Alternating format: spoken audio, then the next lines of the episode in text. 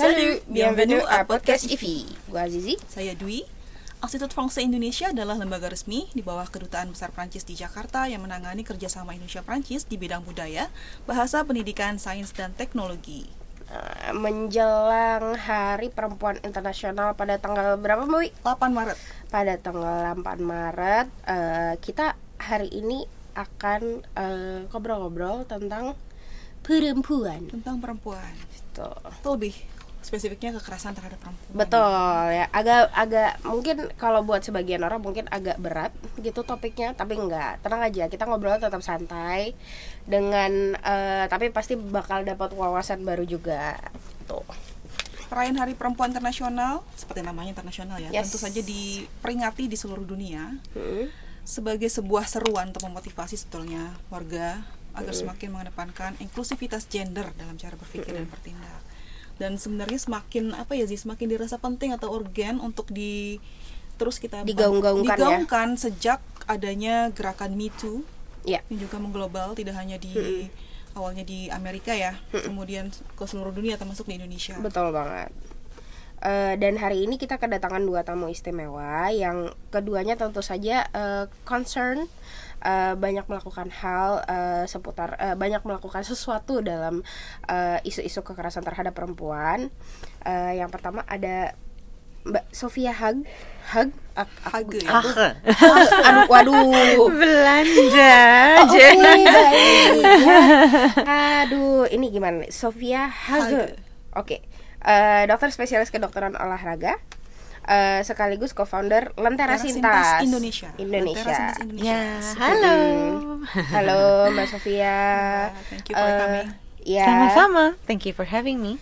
versi buku. Eh, untuk eh, mungkin beberapa teman-teman kita, eh, teman-teman pendengar mungkin udah ada yang dengar kali ya eh, pernah Lentera dengar Lentera Sintas Sintas. Tapi untuk yang belum tahu, Lentera Sintas itu adalah sebuah komunitas yang memfasilitasi dan mendukung para penyintas kekerasan seksual melalui beragam pertemuan, edukasi serta sosialisasi isu kekerasan seksual.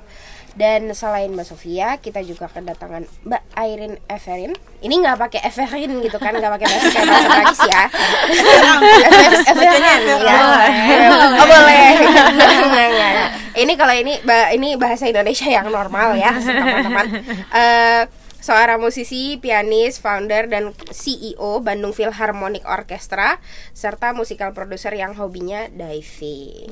Banget ya. Halo Mbak. Waktunya. Bonjour. Bonjour. Hai. Nah, eh, Dua-duanya orang sibuk nih Zi. Kita Yes. beruntung banget bisa kedatangan betul. beliau. Bisa bar- barengan lagi Barengan ya. lagi. Eh, dan eh, kita langsung mulai saja.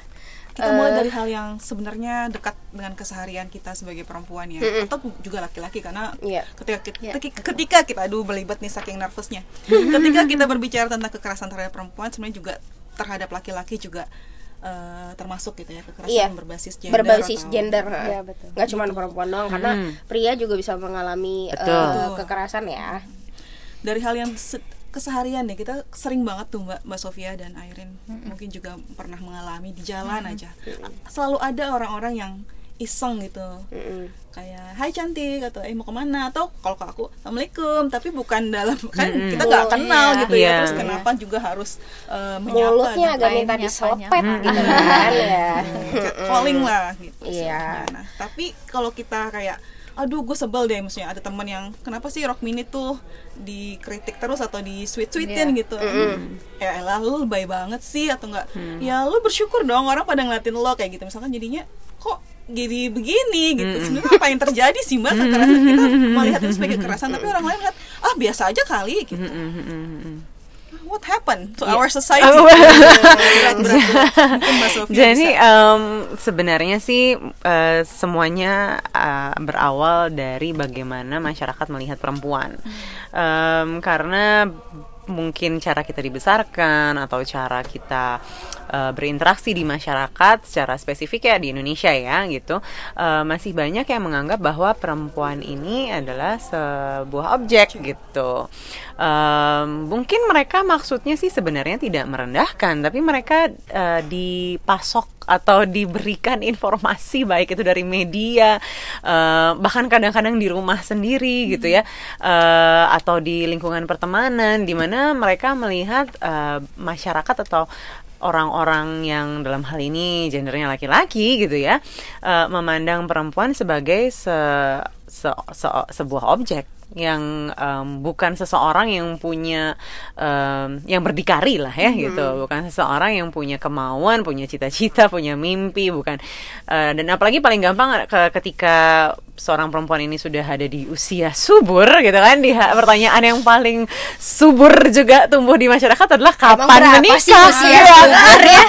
Emang subur tuh definisi umur subur tuh kapan sih gitu Iya loh? kan Kapan menikah? Single shaming ya? Iya, jadi tuh ditanya Single kapan shaming ya. menikah, terus kalau udah menikah Kak, ditanya kapan punya anak, gitu Iya. kan? Seakan-akan bahwa eh, peran perempuan di masyarakat itu hanya untuk em, kemudian menikah dan eh, Beranak. beranak, gitu. Udah.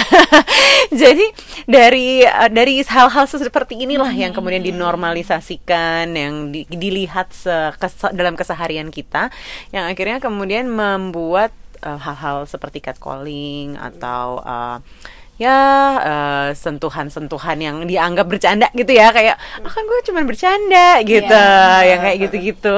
Itu eh, dibungkus dalam em, ya gitu aja sensi amat sih gitu. Karena mereka menganggap bahwa itu normal dan perempuan harusnya memaklumi itu gitu itu sebenarnya kelihatannya yang terjadi di masyarakat kita Tapi saat aku ini nggak terima sih. ya memang harusnya kita nggak terima Iya. tidak Mungkin bisa pernah punya pengalaman seperti itu dan bagaimana sikap Banyak. Airin ketika mendapatkan Banyak. perlakuan ini? banyak Tapi Mungkin sikap kita beda-beda ya. iya Ada yang marah, ada yang diem aja. Kalau aku cenderung diem aja. pertamanya sih diam aja sama saya juga cuman akhir-akhir ini saya kan ya ini kan kampanye mulai bicara. Jadi berpikir kayaknya harus melakukan sebuah action atau sesuatu yang menunjukkan bahwa saya nggak terima diperlakukan secara gitu. Walaupun hanya hanya tanda kutip uh, catcalling ya. Ya. jadi kayak contohnya waktu uh, jalan-jalan di Taman Suropati. Di- itu loh ada loh catcalling di situ segitu di Taman Suropati. Mm. nah jadi akhirnya saya kasih jari tengah fuck you begitu itu saya langsung "Hah," gitu Orangnya Jari pas tengah. digituin gimana?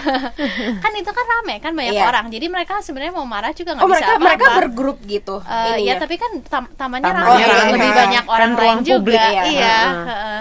Jadi saya tahu misalnya saya membangkitkan amarah mereka sedikit pun kalau dia berani apa apa itu kan banyak Iya, orang di sana saya tinggal Iya. teriak mereka nggak Jadi akan lihat-lihat situasi juga ya ketika kita betul mau bertindak ya. iya Tapi yang lucu itu sih maksudnya aku juga pernah ya pasti kayaknya hampir semua perempuan Pasti pernah ngalamin lah gitu Iya. di, di- entah itu disiul lah, dipanggil neng-neng lah apa segala macam gitu ya. Iya. Kayak aku aku nggak jauh malah dari sini di dekat kantor. Lagi jalan arah ke Sarina terus tiba-tiba mungkin dia manggil nih beberapa kali eh sebutan-sebutan pertamanya tuh menggoda gitu ya. Iya. Eh, Mbak Mbak nengok sini dong ini, ini kayak gitu gitu. Cuman kan saya nggak nengok awalnya mendiamkan. Terus kemudian karena mungkin nggak ditanggepin dia bilang eh gendut gitu kan. jadi Wah. body shaming Iya gitu kan karena nggak dapet kenapa jadi gini. Akhirnya saya pas dibilang itu hmm balik badan. Woi Mas mulutnya dijaga ya jadi laki gitu kan. I wish I could Dan iya.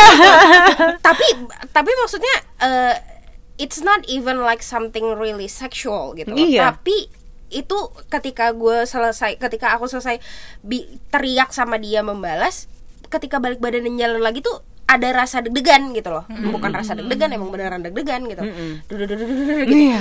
terus gue gimana nih kalau Iya. khawatir Iya. gitu. Nah maksudnya kayak jadi ya lucu aja gitu loh maksudnya kenapa sih eh, apa ya namanya? Kenapa sih kita nggak bisa berjalan dengan, Dengan nyaman? aman. dan Iya. gitu kan? Iya. jadi bertanya-tanya sendiri apa sih ini masalahnya? Maksudnya sebenarnya di lagi-lagi seperti yang Mbak Sofia Iya, bilang heeh. sebenarnya melihat perempuan lewat itu objek. Iya, harus catcallingin nih. Dan bukan kadang-kadang bahkan mereka mungkin nggak mengidentifikasikan itu sebagai objek ya. Kadang-kadang mereka cuma merasa bahwa oh em, karena gue laki-laki gue ada di posisi di mana gue bisa mendekati perempuan. Terlepas dari perempuan itu suka atau enggak gitu loh. Jadi bahkan mereka kadang-kadang nggak melihat mereka nggak ngerti tuh kalau kita bilang kan gue bukan objek. Mereka bahkan itu it, it doesn't register gitu Iya. ya mereka nggak paham itu artinya apa. Tapi em, yang mereka lakukan kalau kita suka nanya sama mereka tuh eh, adalah sebenarnya mereka merasa bahwa mereka berhak untuk mengeluarkan eh, komentar-komentar Iya. itu gitu. Karena mereka merasa bahwa ya kan kayak gitu aja nggak butuh persetujuan. Padahal kan sebenarnya eh, di mana kita berjalan itu kan sebenarnya personal space kita juga gitu untuk merasa aman dan nyaman gitu. Tapi mereka nggak menangkap itu gitu. Yang sepertinya di masyarakat kita itu eh, tumbuh dengan subur adalah mereka bisa melakukan atau berkomentar apa pun tentang tubuh atau tentang eh, cara kita berjalan atau apa pun itu gitu ya. Dan mereka merasa bahwa entitled aja gitu bahwa terserah ceweknya suka atau enggak, Enggak, tapi gue punya hak gue- untuk bilang ini gitu. Ada yang ada yang salah sepertinya dengan maskulinitas ini. Iya. Dan yang tuh maksudnya ketika kayak misalnya yang waktu itu si abang-abang yang di depan Sarina itu nge- setelah aku teriakin gitu ya dia kaget gitu loh. Jadi maksudnya emang kayaknya tuh konsep bahwa perempuan tuh nggak boleh digituin. Dan kalau sebenarnya perempuan itu bisa melawan tuh emang nggak pernah nyampe di otak mereka aja Iya. gitu. Heeh. Ajaib juga ya manusia di bumi ini.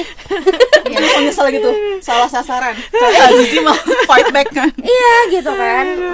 Makanya tapi itu bagus. Jadi sebenarnya cukup dengan uh, fight back dengan dikatain gitu mereka udah agak dek sedikit dan chance-nya nggak terlalu tinggi sih apalagi kalau itu di jalanan Iya. umum, ya untuk mereka menyerang chance-nya sangat kecil sebenarnya. Dan benar-benar yang kayak mukanya emang benar-benar kayak kaget gitu.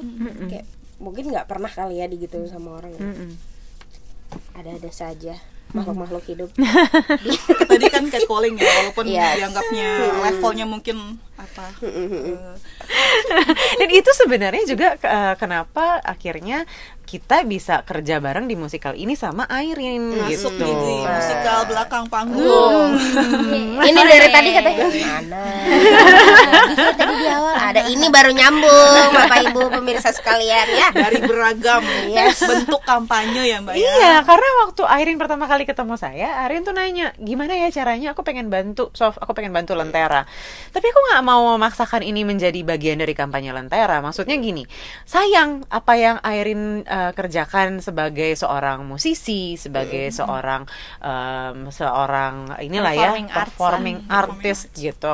Itu punya kekhasan tersendiri. Dan kalau kita aku menarik Airin ke kampanye mulai bicara ngerjain apa yang dikerjain oleh komunitas kita malah mempersempit. Nah, Iya. makanya akhirnya Airin keluar dengan idenya silahkan. dan dengan dan dengan Airin dengan cara Airin sendiri ya Iya, gitu iya, Heeh. betul. Terus eh, kalau misalnya Airin sendiri keresahan terhadap isu kekerasan berbasis gender eh, dan upaya menciptakan kesetaraan gender, uh gila tinggi banget bahasa. tapi akan dijawab dengan kapasitasnya Iya, iya, iya. yang, yang memang mahir di ranah musik gitu Iya gitu kan kan ini dituangkan kan Airin menuangkannya dalam kalau Airin dengan caranya itu tadilah musikal, gitu kan. Nah kalau misalnya buat Airin sendiri Iya. film atau musik atau karya seni apa aja sih yang eh, menginspirasi Airin eh, berani nyuarain kepedulian terhadap isu ini. Yang pasti itu film yang pertama saya nonton tentang ini Spotlight ya 2016 juga Em, tentang seorang jurnalis yang menguak kekerasan seksual di gereja Katolik di Amerika waktu itu yang ternyata sampai sekarang itu kan makin mengangka-angkanya Iya. dan statistiknya makin banyak makin eh, Udah gila di, kan udah, di- sebenarnya udah kan. dibongkar kok malah jadi mata naik gitu kan. Eh, iya, iya justru karena dari Iya. situ pelan-pelan terus kelihatan semua gitu. Lalu dalam proses kita membuat drama musikal ini, Dogville juga Nicole Kidman sering diangkat um, oleh kita sebagai salah satu uh, acuan untuk realism yang ingin diciptakan di panggung. Selain dari itu, untuk style musiknya sendiri, kita kan ada komposer namanya Wisnu Dewanta. Nah, saya sama Wisnu itu dari awal kita cukup terinspirasi sama Stephen Sondheim. Um, uh, Demon Barber of Fleet Street, uh, Into the Woods, terus um, banyak dia sekarang masih hidup dan uh, banyak sekali menang Tony Awards. Jadi stylenya itu eclectic, uh, not too pop-ish tapi masih uh, bisa masuk sebagai sesuatu bunyi-bunyi yang familiar. Jadi nggak terlalu kayak klasik atau nggak terlalu tradisional. Uh, la- tetapi ada warna-warna tertentu yang bikin kita ngerasa kayak tiba-tiba ini tuh twing aneh tiba-tiba creepy. Nah ke- jadi Oke. agak em, cocok dengan si temanya kan bahwa eh, s- di belakang panggung di belakang apa yang sedang terjadi itu ternyata ada keanehan-keanehan misalnya manipulasi tertentu dari si pelaku atau eh, sebuah modus operandi yang sudah disiapkan seorang pelaku yang sangat terbiasa melakukan ini terhadap eh, mangsanya gitu jadi itu style musical yang uh, menginspirasi kami. Selain itu juga ini kan belakang panggung ceritanya itu tentang sebuah theater company yang sedang mementaskan Rama Shinta. Jadi tentu saja dari cerita Rama Shintanya sendiri juga it really inspired us. Um, itu kan tentang uh, the ideal of that time thousands of years ago Iya. Uh, seorang lelaki itu seperti apa, seorang wanita itu seperti apa, apakah itu masih cocok di zaman abad 21 sekarang dan tension itu juga kita explore. Karena kalau misalnya lihat dari ceritanya kan uh, Sintanya itu ideal sekali dia meninggalkan semua yang dia miliki untuk pokoknya suaminya bisa uh, naik namanya titik pokoknya ramanya bisa jaya Kakanda, gitu nah kan. iya itu kan zaman sekarang juga Iya. kan Sunda iya. iya Padahal saya bukan orang Sunda. iya itu kan dieksplor juga jadi tema-tema eh, patriarki itu dieksplor juga dalam drama musikal ini. Nah satu lagi tentu adalah eh, warna-warna tradisional dari kita sendiri. Oke. jadi ada musiknya itu sedikit menyerupai gamelan di saat-saat tertentu. Ada adegan-adegan yang pas lagi misalnya eh, perangnya. Terus eh, pas saat si Hanuman berusaha menyelamatkan Sinta dari Ravana. Nah tapi di alat musiknya bukan dengan alat musik gamelan tapi dengan western eh, instruments gitu. Aduh. Penasaran ya? Mau Iya. tahu ininya ya ini iklan. Emang mau iklan. Podcast memang dituju tujuannya adalah buat iklan. Kita terbuka ya. Enggak, enggak, enggak. Kita ik- beriklan dan raise concern tentang hal-hal lain juga. Nah, kalau soal teater eh, di di balik eh, proses di balik eh, Di balik panggung. di balik panggung itu gimana tuh eh, airin dulu oke gue akan cari case-nya ini ini ini terus Iya. membangun ceritanya narasinya Jadi eh, audisi cast itu sebenarnya proses terakhir yang kita tempuh. Dari awal itu eh, saya udah ngobrol sama Sofia, terus kita menggaet Marisa Anita. By the way dia juga belajar Prancis di sini, belajar bahasa Prancis. Em, dan dia kan ada pengalaman juga di teater, di film, acting. Nah dari situ kita cari sutradara dan penulis dan juga komposer tiga itu sih. Oke. dan kita duduk bersama-sama kita create em, cerita ini bersama. Lalu saya dan Sofia mengarahkan dari pihak eh, kita sama-sama survivor itu rasanya kayak gimana. Eh, ketika proses-proses tahapannya ket- apa yang terjadi ketika speak up judgment shame-nya seperti apa. Nah itu semua kita bantu kasih sehingga eh, penonton itu akan dapat sebuah experience yang memang eh, itu this is how it memang feels iya gitu. jadi emang yang maksudnya si musikalnya sendiri juga bukan based just based on like what you like or like the screenwriter likes or the director likes gitu loh it is something real gitu kan yang Yes. emang diambil nggak segelondongan gitu tapi saripatinya dicomot gitu ya Iya, dari betul. para eh, penyintasnya sendiri Iya, begitu. betul. oke wow menarik berat ini berat aku ya ngebayangin ketika mereka berproses tuh kayaknya seru banget ya Lama loh ini lama kita. ya tiga tahun berapa lama sih? Oh, tiga tahun? dari 2016 Hmm, jadi eh, Airin pertama kali approach aku tuh 2016 bilang mau bantu Lentera. Terus kita masih belum ketemu formatnya yang pas. Terus abis itu Airin came up with the idea. Jadi dia yang bilang, "Oke, kita bikin musikal aja." Terus baru ngomong sama Marissa. Terus rapat eh, rapat pertama tuh aku ingat banget rapat kreatif pertama itu Desember 2017. Oke. Waktu itu belum ada skrip kreatif belum ada apa gitu kan baru ada tim inti produksi aja tim inti kreatif. Terus baru ke- uh, kemudian kita mulai diskusi soal uh, cerita alur dan segala macam bla bla bla sampai akhirnya uh, 2020 jadi sebenarnya akhirnya ya perjalanannya Serius jauh. sekian lama. Ini tapi kalau dibandingin ini nggak terlalu lama loh. Misalnya kayak Kinky Boots di Broadway lima tahun. Kan eh, waktu itu ada teman kita yang kenal produsernya cerita. Lalu kayak eh, Hamilton Lin Manuel Iya, Miranda bikin heeh. tujuh tahun. Jadi memang untuk sebuah karya It takes time. kreatif ya it takes time and you know that it is something that's udah berproses lama udah dimasak lah gitu. Apalagi membahas isu-isu yang Isunya juga ini eh, apa namanya ya, cukup sensitif dan maksudnya bukan sensitif dalam artian sensitif di masyarakat ya gitu. Maksudnya like th- this is what we should kayak ini seharusnya emang kita bicarakan gitu tapi maksudnya kan sensitif untuk kayak para penyintas dan Iya, lain-lain ya betul. pasti take time dan dalam format yang tidak biasa Yes. membicarakan isu kekerasan terhadap perempuan melalui drama musikal. ini yang pertama di Indonesia sih kayaknya ya ya I think so ya drama, drama musikal, yang ya. pertama yang sebenarnya Dengan membahas tema atau world premiere nggak ada yang Indonesian premiere world premiere deh. Coming soon. Indonesian Premier. Nah, nanti teater musikal belakang panggung ini akan main di Ivi Tamrin. Saya lupa ini tuh nanti podcastnya bakal muncul setelah apa sebelum sih? sebelum dong sebelum ya? Sebelum ya? Oh ya. kita mintanya sebelum Mohon maaf ya Bapak Ibu pemirsa sekalian Ya saya suka lupa Biasa ini memang nenek-nenek ya Eh, Nanti jangan lupa saksikan eh, Saksikan Teater musikal belakang panggung Hari banget ya. ini Tamrin Iya. tanggal 6 sampai 8, 8 Maret. Jadi nggak cuma 2020. sehari tenang aja ya, ada tiga hari. Eh, bisa langsung cek nanti di Instagram Ivi bisa dicek loh, jangan lupa ya. Nah, Aku udah beli yeah tiket promo Valentine. Oh, ada promo Valentine kemarin. udah habis. Oh ya, oke, gitu kan. Iya. Pas podcast ini juga tayang udah habis ya saudara-saudara gitu. Harus mohon maaf. Iya gitu. Saya nanti nonton deh. Aku nonton dari belakang situ aja.